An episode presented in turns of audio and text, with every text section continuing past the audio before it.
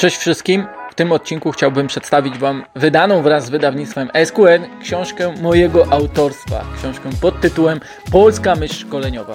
Ma ona swoją premierę 27 lipca, a więc dziś, w internetowej księgarni Labotiga, a już od 10 sierpnia również znajdziecie ją w księgarniach stacjonarnych. Zanim przeczytam Wam wstęp mojej książki, który jest o inspiracji stojącej za jej napisaniem, to chciałem także chwilę powiedzieć Wam, co możecie znaleźć w jej środku.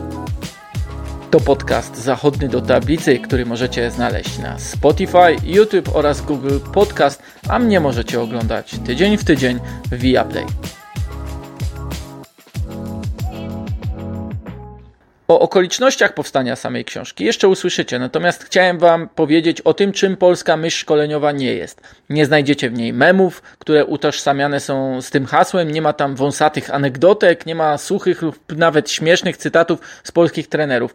No może tych ostatnich e, kilka się znajdzie, w końcu rozdział o latach 90. jest zatytułowany Kiełbasy w górę.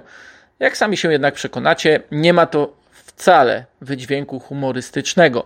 Dla mnie ta książka była wyzwaniem oraz ogromną przygodą, bo przygotowując research, czytając książki oraz starą prasę, nigdy nie spodziewałem się, że w niektórych okresach naszego futbolu, zwłaszcza na jego początku, natknę się na tyle interesujących postaci, na wiele ich przemyśleń dotyczących piłki, taktyki, sposobu, stylu gry. Początkowym celem było zweryfikowanie, czy zawsze myśleliśmy w ten sam sposób o piłce co teraz, ale dochodziły oczywiście kolejne założenia, które myślę, że doprowadziły mnie do odpowiedzi na wiele dręczących także Was pytań. Tych pytań, które pojawiają się, gdy oglądacie kolejny beznadziejny, bezładny mecz ekstraklasy, gdy znowu reprezentacja Polski boi się wyjść z niskiego pressingu, a w europejskich pucharach nasza przygoda kończy się, no cóż, bardzo szybko. Tyle tytułem wprowadzenia. Teraz zapraszam Was do wysłuchania wstępu mojej książki. Obiecuję, że wyjaśni Wam on jeszcze więcej. Pamiętam dokładnie moment, w którym pomyślałem, że ta książka jest mi potrzebna. W Wołgogradzie było gorąco jak w piekle. Samo wejście po schodach na trybunę mediów wymagało mnóstwo sił, bo stojące w miejscu gorące powietrze wprost zatykało, a przecież tam na dole, na osłonecznionej murawie, piłkarze musieli jeszcze rozegrać mecz. Mecz, który był tylko postscriptum do już napisanej historii. W Polsce krucjata trwała na całego, a zespół Adama Nawałki rozpadał się na oczach fanów, zamknięty w hotelu w Soczi, unikający konfrontacji, pozbawiony nadziei i atmosfery. Po katastrofie w meczu otwarcia z Senegalem, deklasacji w kazaniu z Kolumbią, nasza drużyna narodowa mogła jedynie postarać się o uratowanie resztek zaufania fanów oraz własnego przekonania, że ten zespół ma jakąkolwiek przyszłość. Gdy Jan Bednarek skierował piłkę do bramki Japończyków, wydawało się nawet, że przynajmniej będziemy mieli jakiś powód do uśmiechu. Tymczasem najgorsze miało dopiero się wydarzyć. Sygnał przyszedł z Samary, gdzie Kolumbijczycy strzelili Senegalczykom gola, przez co jednobramkowe prowadzenie biało-czerwonych jeszcze bardziej straciło na znaczeniu. Polacy mieli wynik, na którym im zależało, Japończycy awans do fazy pucharowej. I obie drużyny przestały grać. Wymieniały podania. W ostatnim kwadransie było ich o niemal 100 więcej niż między 60 a 75 minutą meczu ale bez ambicji, by zaatakować. Najpierw grali między sobą Kamil Glik i Jan Bednarek, następnie obrońcy japońscy. Gwizdy kibiców nie trwały długo, bo ludzie po prostu zaczęli wychodzić ze stadionu zniesmaczeni takimi obrazkami na Mistrzostwach Świata. Robert Lewandowski jako jedyny truchtał na połowie przeciwnika między podającymi sobie na stojąco Japończykami.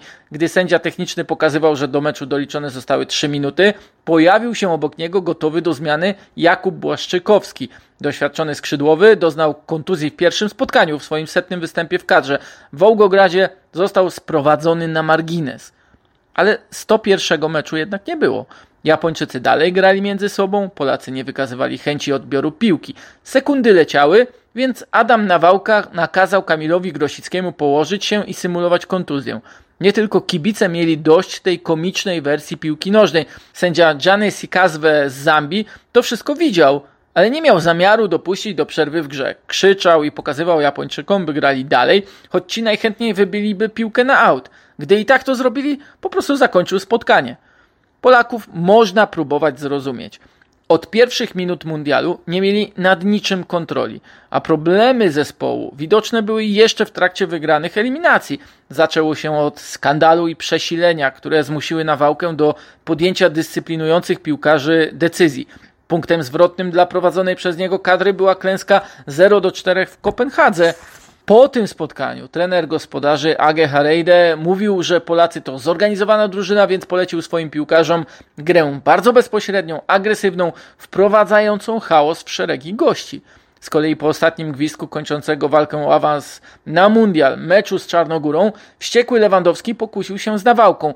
Wokół trwała radość, a kapitan i najlepszy zawodnik narzekał, że przy dwubramkowym prowadzeniu reprezentacja cofnęła się zbyt głęboko, straciła dwa gole i znów to on musiał ratować sytuację. Zamiast sprawić, że w drużynie na nowo pojawi się poczucie własnej wartości, a w składzie nastąpi stabilizacja, awans okazał się początkiem rewolucji. Nawałka zmienił system na jeszcze bardziej pragmatyczny 3-4-3, ale nie zdołał do swoich pomysłów przekonać piłkarzy zespołu świadomego, przekonanego do konkretnego stylu i konkretnych rozwiązań na boisku, Polska stała się drużyną strachliwą, bojącą się własnego cienia. Rotacje systemami, które miały mylić przeciwnika, zdestabilizowały zespół, czego wyniki na mundialu w Rosji były tylko potwierdzeniem. Już w przerwie meczu z Senegalem Nawałka zmieniał ustawienie, podobnie było z Kolumbią, ale w żadnej ze sprawdzanych opcji zespół narodowy nie przypominał drużyny sprzed dwóch lat katastrofalne pomyłki obrońców, powolna i mało kreatywna gra oraz rosnąca frustracja wewnątrz zespołu na okoliczności, na krytykę, na rozwój sytuacji, to wszystko sprawiało, że wizerunek reprezentacji potwornie ucierpiał. Wołgograd stał się nie tylko miejscem meczu o honor, ale i symbolem ostatecznej klęski reputacji jej architekta. Gdy Nawałka tłumaczył pasywność z ostatniego kwadransa przejściem na niski pressing, nikt nie chciał już tego słuchać. Jedynie Łukasz Fabiański przepraszał kibiców za to, jak wyglądała końcówka spotkania z Japonią. Reszta piłkarzy w najlepszym wypadku wzruszała ramionami. Przecież wracają do Polski po wygranym meczu. Wyjście z niskiego pressingu byłoby zbędnym ryzykiem otwarcia się na atak Japończyków. Przecież to oni mieli piłkę, przegrywali i powinni dążyć do wyrównania. Sytuacja ta podkreśliła tylko nieustający, trwający od dekad spór wewnątrz polskiego futbolu o to, co jest ważniejsze zwycięstwo czy styl gry. W Wołgogradzie piłkarze, których na co dzień prowadzili najwięksi trenerzy na świecie Guardiola, Klopp, Ancelotti, Tuchel, Emery, Sari stali jak sparaliżowani na własnej połowie. Tak bardzo bali się ryzyka, że zapomnieli o kształtowanych w ich klubach ideałach nowoczesnej gry, pressingiem, kontroli wyrażanej za pomocą posiadania piłki oraz szybkości działania. Pokolenie piłkarzy, których prowadził w kadrze Nawałka, przeżyło chwilę chwały dwa lata wcześniej, ale i tak w końcu dopadła ich mentalność, którą, jak się wydawało, przezwyciężyli w trakcie Mistrzostw Europy we Francji. Ćwierćfinał turnieju okazał się nie przebiciem sufitu, lecz granicą możliwości polskiej reprezentacji. Pewni siebie, podbudowani wynikami, organizacją oraz znajomością schematów zawodnicy rywalizowali wówczas bez kompleksów z Niemcami i Portugalczykami. Lecz w chwili próby głęboko zakorzeniony w polskiej mentalności piłkarskiej strach, ta obawa przed nieznanym, na przykład systemem czy rywalem z innego kontynentu, to okazało się dominujące. Czy dlatego nie jesteśmy gotowi osiągnąć czegoś więcej? To dlatego w takim momencie jak ostatnie minuty meczu z Japonią nie możemy wykrzesać siebie więcej sportowej złości i ambicji, opuścić strefy komfortu, niskiego pressingu i przejść do ataku? Kiedy staliśmy się tak pragmatyczni, że za jedyny cel naszych drużyn obraliśmy prześlizgnięcie się przez 90 minut, by ewentualnym korzystnym wynikiem móc usprawiedliwić sposób jego osiągnięcia? Czy byliśmy tacy od zawsze?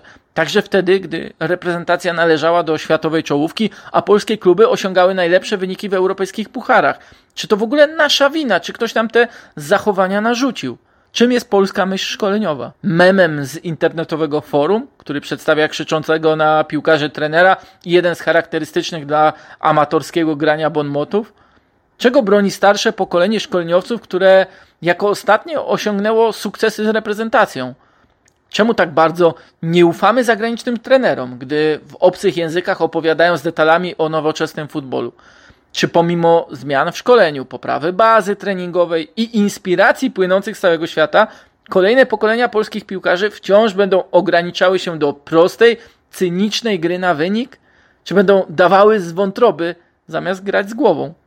Właśnie takie myśli towarzyszyły mi, gdy patrzyłem na ostatni kwadrans meczu z Japonią. Chciałem poszukać odpowiedzi, ale wybrałem się w podróż, która zasiała we mnie jeszcze więcej wątpliwości. Skoro mieliśmy tak wiele okazji, by zmienić nasz sposób postrzegania futbolu, to dlaczego ani razu nam się to nie udało? Zgłębianie polskiej myśli szkoleniowej pozwoliło mi zrozumieć i lepiej zinterpretować niski pressing drużyny Nawałki, podobnie jak wiele innych zdarzeń z historii naszego piłkarstwa. Może to dobry początek, by pomyśleć, jak tę mentalność zmienić? Polska myśl szkoleniowa, książka mojego autorstwa i wydawnictwa SQN już od 27 lipca w księgarni internetowej Labotiga, od 10 sierpnia dostępna również w księgarniach stacjonarnych. Dzięki i zapraszam serdecznie do lektury.